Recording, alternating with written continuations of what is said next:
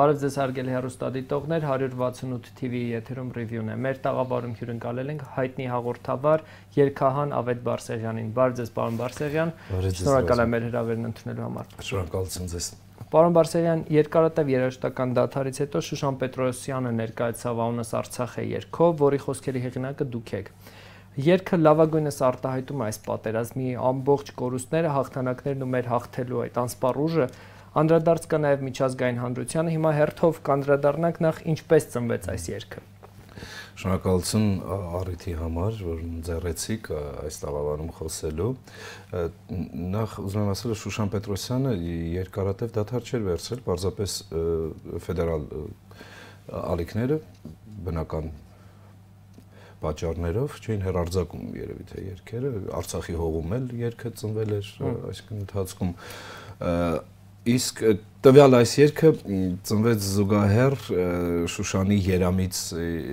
եւս մեկ երկչու երկի հետ զուգահեռ ու Նեյսյանի մենք թևածում ենք մեզ հարվածում են մենք թևածում ենք երգը երբ որ գրվեց ընդհանրապես կար իդեա երկու մեր անկախ Հայաստանի լավագույն երգչուհիներից երկուսին ներկայացնել երգերով ու երբ մի երգը ստացվեց, բնական էր, որ Շուշանը իր խոսքը, իր ձայնը պիտի ասեր, իր վերաբերմունքը այս ամենին, որովհետև ի սկզբանե կենսագրություն ունեցող երգչուհի է ու նոր չէ, որ Արցախի մասին երգում է, նոր չէ, որ ներկայացնում է Հայաստանի ցավը, հաղթանակը, ուժը, անկումն ու վերելքը։ Եվ խոսքերի հիման վրա Արման Ղազարյանը, ով նաև Արցախի հողում երկի հեղինակն է, գրեց երաժշտությունը։ Մեր շատ տաղանդավոր Կարեն Սևակ production-ը նաև Կարեն Համբարձումյանն ու Սևակ Մելքոնյանը գործիքավորեցին եւ արդյունքում նաև երկի ճակատագիրը գնաց դեպի 1000+1 զինվորների ապահովագրման հիմնադրամ եւ 4 օրվա հետաքրքիր, շատ բարեգործական, ճիշտ, բացի մշակութային, նաև շատ կարևոր առաքելություն ունեցող։ Այո, համերգները։ Համերգները տեղի ունեցան։ Ես նոր եմ դրա համար եմ այսպես ակնված։ Այդ համերգները ավարտվեցին վերջինը։ Երկը ծնվեց, որովհետև պիտի ծնվի։ Նախ սկզբում բոլորիս մոտ էր այդ թե մանտրաժը, թե երկի ժամանակը չէ բնականաբար այդ ամբողջությամբ այդ վիճակը մենք էլ ենք ապրել բայց ինչ որ պահի հասկանում ես որ ամեն մեկս եթե մեր տեղում լինենք առաջնագծում զինվորը բնականաբար այսօրվա մեր ամենակարևոր ուրախությունն ու ցավը դա զինվորն է հայոց բանակն է բայց մենք էլ թիկունքում ամեն մեկը իր թեկուզ մասնագիտական կարողությամբ Աշխարհն առուցախ է արյան անձրևում, սա մեջբերում է երկից, միջազգային հանրության նման արձագանք այս անտարբերությունը ձեզ համար սпасելի էր։ Ճիշտ ասած, ես որ ավարտել եմ պատմահիրավագիտական ֆակուլտետը մանկավարժական համալսարանի, փորձել եմ այդ 4 տարիների ընթացքում ինչ որ կերպ հասկանալ, որ հայի ցավը ոչ միշտ է, եթե ոչ երբեք չի արժանանում այն ամեն ինչին, ինչի ակնկալիքը մենք ցայսօր փաստորեն ունենք այդ ճանաչման ցավակից լինելու չնայած պետք է փորձել իհարկե recognize Արցախ շարժումնել, այսինքն պիտի փորձել ձայնը հասցնել, բայց թե աշխարհը երևի թե շարունակում են նույն մեխանիզմով ու նույն կառուցվածքով պատտվել, ոնց որ եւ 100 տարի առաջ, որովհետեւ դարու ավելի դարդու ավելի յաթաղանը չի փոխվել էլի բայց շարունակում են նրանք մարդկային տարբեր արժեքների մասին խոսել, բայց երբ տեսնում են, երբ որ գործնական որևէ քայլ պետք է արվի, չկա որևէ արձագանք։ Ես նաև զգում եմ, որ այդ ամեն ինչը հա, մեր հասարակությանն է նաև նյարդայնացրեց, ռազմիկը բնականաբար այդ հորդոր, կոչ, ցավում ենք, մի բան արեք, դե հանգստացեք, դե նստեք սեղանի շուրջ այդ հորդորների ու կոչերից այն կողմ գործնական ես շատ խորապես պոլիտոլոգ չեմ, վերլուծաբան չեմ, բայց երևի թե շատ ագրեսիվ գործողությունը լավ առումով, այսինքն գործունյա գործողությունը, կոպիտ ասած, երևի թե կզգայինք։ Գուցե կա վստահ եմ, որ ինչ որ կերպ ինչ որ դաշնություններից կան օգնություններ կամ ռեալ Մեր դաշնակից Ռուսաստանը Մեր դաշնակից Ռուսաստանը թե ասում եմ ես շատ հիմա ոչ թե վախենում եմ ես այդ մի բանը շատ չունեմ վախենալու կարողությունը, բայց փորձում եմ չհասկանալով հանկարծ չվնասել ընդհանուր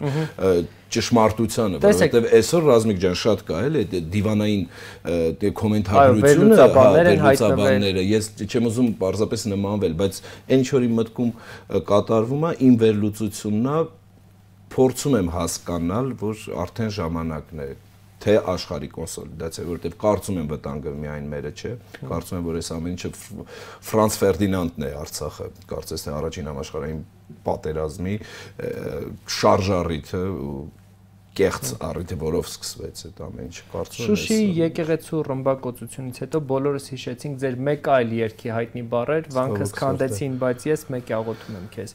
Նաև հիշեցինք, որ օրինակ Փարիզի Աստվածամոր տաճարի հրդեհի ժամանակ ամբողջ աշխարհը միացել էր, բոլորը ոտքի էին կանգնել։ Ինչու Շուշիի Ղազանչեցոց եկեղեցու դեպքում այդպես արձագանքներ չստացանք ձեր կարծիքով։ Եվ այս պատերազմից հետո ներողություն, ինչպես պետք է հարաբերվենք աշխարհի հետ։ Մի փոքր երևի թե սեփական ուժերով մեր Սփյուռքի հայրենակիցների Արցախի այդ երամիասնության ու մեր սիրով ապրելու մեր մեջ չսպանելով մեզ մեր մեջ կոնսոլիդացվելով երևի թե այն այն երկիրը այն ազգը այն ժողովուրդը որ միահամուր մեկ միավոր կդառնա գուցե հենց այդ մեկ միավորն էլ աշխարհը կտեսնի որպես մեկ միավոր։ Ես հասկանում եմ հիմա շատ մեծ աշխատանք է նաև Սփյուռքում արվում այդ ամեն ինչը, բայց եթե ներսում Հայաստանում էլ, Սփյուռքում էլ, Արցախը մենք անընդհատ խոսում ենք երամիասնության մասին, մենք ու տեսնում ենք էլ դրա գործողություններն ու այդ ամեն ինչը այս օրերին հատկապես, բայց երևի թե կա այլ մետաֆիզիկ դաշտում իսկապես կպնելու ճիշտ մեխանիզմ, որի պարագային էլ նոր աշխարհը կտեսնի այդ միավորը կսկսի արձագանքել։ Տեսնելը տեսնում են, Դոնալդ Թրամփն էլ է տեսնում արձագանքում, մենք ուրախանում ենք, որ մեր անունը տվեց ինչ որ հավաքի ժամանակ գործողություն կանեն, երևի թե երբ որ մենք միավոր որպես կայանանք վերջնականապես մի կողմ թողնելով իսկապես բոլոր տեսակի տարաբաժանումները գունային մտածելակերպային այլա կարծության, եթե այդ ամեն ինչը երևի թե թողենք, գուցե եւ աշխարհի ես չգիտեմ այդ պարագային կընթունի կզգա մեր գոյությունը, այդ փոքրիկ շատ կարևոր սուրբ մեր երկրի ճակատագրորեն եկած հասած այսօրը հասած երկրի գոյության ձայնը, թե չէ մեր ձայնը որ չեն լսել Խրիմյան հայրիկից սկսած մինչև այդ երկաթի շերեփը երևի թե ռազմիկ ջան շատ կարևոր է մինչև չերկաթանանք մենք մեր շերբը միշտ երևի թե թղթից լինի մեծ տերությունների խաղակարի վրա։ Տեսնում եք գոնե այդ երկաթանալու նախադրյալները տեսնում եք։ Լավ առիթ է նաև գուցե շատ տարօրինակ թվա լավ հասկացություն կամ առիթ, բայց ճարահատյալ առիթ է օրհասական առիթ է վերջապես այդ կոնսոլիդացիան լինի ստից կոնսոլիդացիան, չի ստից ոչ թե հենց այդ բառով էլի, ասեմ ժարգոնային, այդ թվացial ու ձևական կոնսոլիդացիան չի իսկապես էլի հայ-հային սիրի ու Կարորիայի ժամանակ էլ մենք տեսանք այդ ռոպեական կոնսոլիդացիան ու հետո էլի սկսեցինք ուտել մեզ մեզնում այ երևի թե այս դժբախտությունից հետո ու հայրենականին տանող ամեն ինչ գնում է նաև գոյապահպանության եւ այդ ամեն ինչին է գնում երևի թե այս օգտագործենք երկաթանալու, բյուրեղանալու, իսկապես բյուրեղանալու։ Հենց այնպես խոսքերով չէ։ Այս օրերին դուք էլ նշեցիք, որ Երևանում բարեգործական համերգներ են կազմակերպում, որոնք դուք եք վարում։ Թիկունքն ամուր է նաև նման միջոցառումներով առաջիկայի համար ինչ նմանատիպ այլ ծրագրեր են նախատեսված ես ճիշտ ասեմ, որ տեղյակ չեմ, թե ինչ կանի հիմնադրամը պետական սիմֆոնիկ նվագախմբի հետ միասին, բայց թիկունքի ամրությունը իսկապես ինչպես նշեցիք, ռազմիկ շատ կարևոր է, որովհետև ես տեսնում եմ իմ ընկերները երկաթի, այսինքն Երևանի կամերային թատրոնի բակում ինչպես են այդ ամեն ինչը կազմակերպում 24 ժամ օրը ամեն օր, այսինքն թիկունքի կոնսոլիդացիաները շատ կարևոր։ Նմանատիպ ամեն ինչն է այսօր, այսինքն մենք կոնկրետ ես ներգրավեցի այս նախաձեռնության մեջ, ես կարող եմ ասել, թե ինչքան ճիշտ էր այս վիճակը։ Ինչ որ մի այլ ձեռնարկ կլինի հատկապես ասում եմ շատ ճիշտ է մշակութային նաև, որովհետև քաղաք ինքը սառած վիճակում է ռազմիկ ջան, այս 4 օրերի ընթացքում եմ հասկանում, մարդիկ էլի հավաքվում են, բայց ոչ ծափահարելու որևիցե մեկը չունի այդ տրամաբանությունն ու տրամադրությունը, դրա համար ասում է, որ սա մշակութային միջոցառում չէ, ու ժամանց չէ, սա կոնկրետ համարցանց, համ հանգանակությունների համար է արվում դրա համար նմանատիպ թիկունքի ամրությունը շատ կարևոր է։ Ես հասկանում եմ, մի ամիսից շատ է անցել ու կա նաև հուսահատության նոտաներ կան, նաև հոգնածության բթացում անգամ կա ուղեղի, որովհետև մենք յուրաքանչյուրս արթնանում ենք այդ ամեն ինչի մեջ ու քնում ենք իսկ մարդու ֆիզիոլոգիան էլ պսիխիկան էլ այնպես է որ ինքը անտանելի ցավին անընդհատ ինքը բթացում է գնում ու ապաթիա է գալի ամենավատ բանը այդ առումով երևի թե քաղաքում ոչ թե ուրախ զվար չէ, բայց ուժեղ ու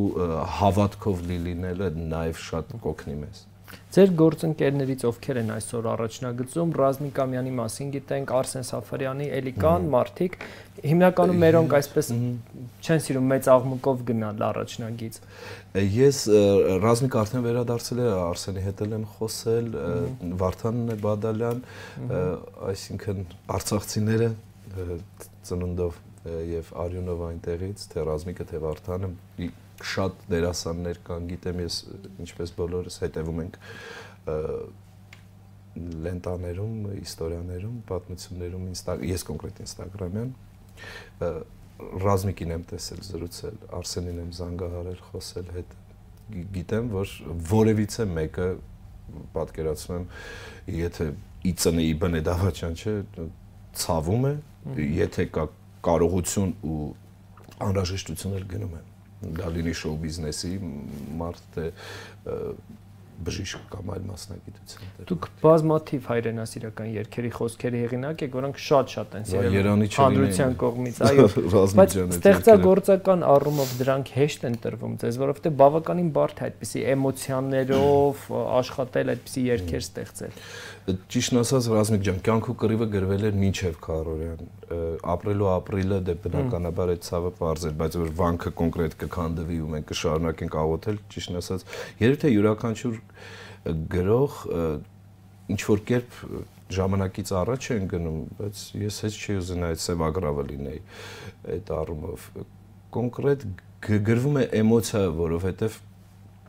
ավելի լավ է հազարատ, չգիտեմ, սիրո երգեր գրել, որովհետև հայրենիքին անդրադարձը միշտ կա ցավը ու հատկապես այս օրերին այդ ցավը կա, որովհետև վերապրում ես, ապրում ես, փորձում ես նաև տվյալ երկչի, որովհետև ռազմիկն էլ կատարեց հենց վերադառնալուց հետո կատարեց մատաղքեզ երկը իր մանկության բակի մասին իր ինտերպրետացիայով ամեն անգամ գրելիս ես բացարձակ չեմ կարծում դա ինչ որ մի մեծ բան եմ անում, ես պարզապես անում եմ ինչ որ անում եմ։ Պարզապես ունեմ այդ կարողությունը էմոցիայով մտնել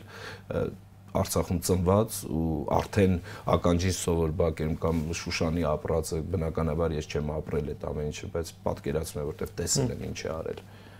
տարիների ընթացքում ինչ է Մի այլ թեմայի եմ ուզում անդրադառնանք. Արցախի ձայների տեսահոլովակը երեխաների բավականին այսպես աղբյուր բարձրացրեց, եղան քննադատություններ, ինչի արդյունքում տեսահոլովակը հեռացվեց YouTube-ից։ Ձեր կարծիքով սա իսկապես հանրության արձագանքն էր, թե այստեղ ինչ որ կազմակերպված հարցակման նման կարծես լիներ։ Ռազմիկ ջան, ես միշտ կարծում եմ, որ սկզբում ուղղորդված հարցակում է, որին հետևում են ոչ ամուր պսիխիկա ունեցող մարդկանց հոսանքին տրվելը կարծում եմ ֆեյքերը վրա են տալիս, հետո մի փոքրիկ անկայուններն էլ միանում են այդ ամեն ինչի, որովհետև դա հոտային պսիխոլոգիա ընկածին քացով խփելը, շարունակելը։ Ինձ համար տարօրինակ իրավիճակ էր ընդհանրապես ու թողել ես ամեն ինչը ու կլիպի հետևից ընկնելը մի քիչ ծիծաղելի է ու չեմ հասկանում դրա ժամանակն է արդյոք թե ոչ ներկայացված է տեսահոլովակ ներկայացված է երկ որը շատ վաղուց է գրվել Արտուր Գրիգորյանի կողմից եւ Գրիգոր Կյոքչյանի գործիքավորում էլի Կարեն Սևակն են արել ու Արցախի ձայները այդ ամեն ինչը վերջում բերել այսօրվա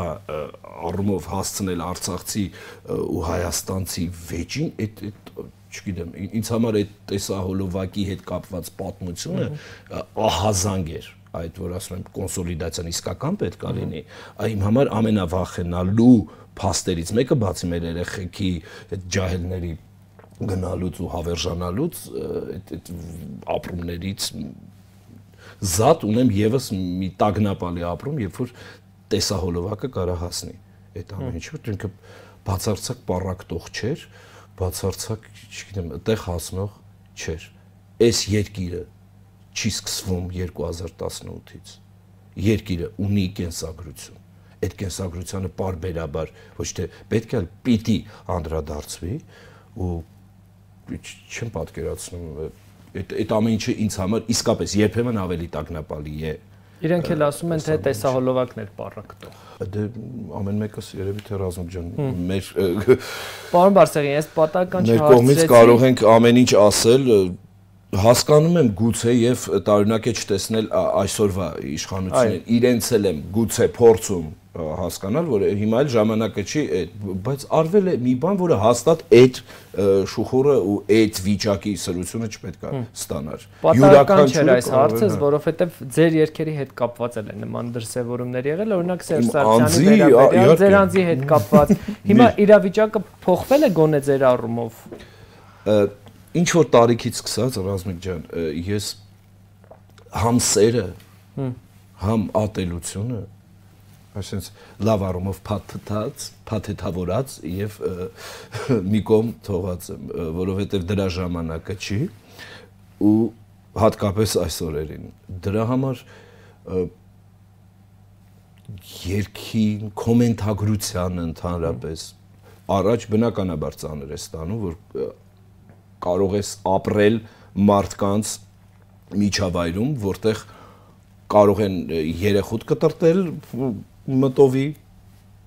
ու այդ ամենը միայն կատարվում է ոչ ոք դեռ այս տարիների ընթացքում չի մտածել համարցակություն ունեցել երեսին ասելու իմ իսկ ես փողոցով քայլող տղա եմ ես այդ խնդիրը չունեմ անընդհատ բախկված չեմ ապրում իմ քաղաքում այդ ինչ մեխանիզմ էր, որը զարգացավ, գուցե կար, բայց դրա կափարիչն ու այլ մեխանիզմներով ոնց բացեցին այդ վայրահաչությունը, ես զարմանում եմ, ինքը ոչ մի լավ տեղ չի բերում համենայն դեպս։ Իմ անձի հանդեպ կա, հիմա քչացել է, թե շատացել է, իսկապես այլևս չեմ հետևում։ Առաջ հետևում էի, ես նորմալ մարդ եմ, նորմալ վիրավորվել եմ, գիտեմ, վատս գալել գիտեմ, նեղվել եմ գիտեմ, բայց այդ այնքանա էլի բթացնում է, էլի այդ այդ դրա իրավիճակը, բացի դրանից, որ ժամանակը անցնում է, դու հասկանում ես, որ կան մարդիկ, որոնց միտքը իսկապես խորվիրապ է, իսկ անցած ճանապարհը հերոսական ավելի քեզ ճիշտ ես զգում քո տեղում, որ վաղուց ես դա արձանագրել։ Երկի տեսքով լինի, խոսքի տեսքով կամ վերաբերմունքի։ Իսկ ընդհանրապես ասում եմ, այսօր էլ եմ ասել համերգին մատիկներով կեղտոտ կոմենտ գրելու փոխարեն այդ մատիկներով 1000 դրամիկներ ուղարկեք որևիցե հիմնադրամի այդ կլինի նորմալ բան կամ համ գրեք համ ուղարկեք դրան էլ ենք համաձայն այսինքն նույնիսկ այս պատերազմը չվերացրեց այդ ատելության մտնոլորտը ես լիահույս եմ որ կվերացնի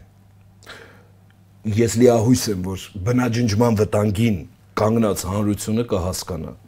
կամ հանրության ղեկավարությունը կամ չգիտեմ ինչ որ մի բան կհասկացվի որ էս այդ ժամանակը չի էս այդ վիճակը չի ու դրանից ավելի մեծ սեփ կամ չգիտեմ պարակտում հաստատ տեսահոլովակը այդ պարակտումը չի Եվ վերջում որպես ամփոփում թե այդ հարցազրույցի ընթացքում անդրադարձան կարծես թե թիկունքում ինչ անելիքներ եք այս պահին տեսնում Ռազմիկ ջան ես կոնկրետ գրել գիտեմ թիկունքում սեր է պետք, թիկունքում առողջ պսիխիկան առողջ պահելը հիմա պարտավոր ենք ապրել։ Հիմա մենք Շարհոլդինգի հետ շուտով սկսում ենք լավ շարժում նաև, որը պարտավոր ենք այդ տղեկի արյան դիմաց ու նրանց զոհաբերած կյանքի դիմաց մենք ամեն մեկս ստեղ 2-3 կյանք պարտավոր ենք ապրել, հետո է ավելի դժվարը լինելու, որովհետև պետք է արդարացվի այդ ամեն ինչը մեր ապրելով ապրելով։ Ես հասկանում եմ շատերի մոտ ովքեր հիմա ստեղ են համ մեղավորության զգացողություն, չգիտեմ, սուպերմարկետում մի հատ հաց ես ինքդ քո համար առնում, արդեն մեծ հանգանակություններ արած կամ չարած կապ չունի, բայց դու քեզ վատ ես զգում, ոնց որ պրիստուպնիկ լինես, որ ապրում ես, որտեղ քեզնից 2 տարի փոքր երեխան սահմանին զոհվել է։ Այդ այդ զգացողություններն էլ պետքա վերացվի ու դա դառնա պատասխանատվություն, պարտավորություն, ոչ թե վատը զգալ, այլ պատասխանատվություն ապրելու, արժանավայել ապրելու, վայրահաճից զուրկ ապրելու ու սիրով ապրելու, որտեղ այսքան ենք ու այսքանն էլ է դեռ վտանգված ըստ իս թիկունքը այդ ունի անելու իսկ մնացած այն բոլոր գործերը որ արվում է ես ընդամենը մի փոքրիկ տոկոսներ չգիտեմ հաղորդավարությունը 4 ամերգի հետ ես իմ ինչ չի շատ մեծ աշխատանք է անում մեր ժողովուրդը համ սփյուռքի հատկապես սփյուռքում էլ ստեղ էլ բոլորը ստեղ թասիբի հարցի բոլորը էս օրերին թասիբով են բոլորը ու բաժանել դա բան չունի թասիբոմետր չկա հաստատ կարծում եմ ամեն մեկը իր ուժերի ներածին չափով անում է մեկը քիչ ու շատի բան չկա շնորհակալ եմ զրույցի շնորհակալություն 168 TV եթերում ռիվյուներ հետևեք մեր հետագա թողարկումներին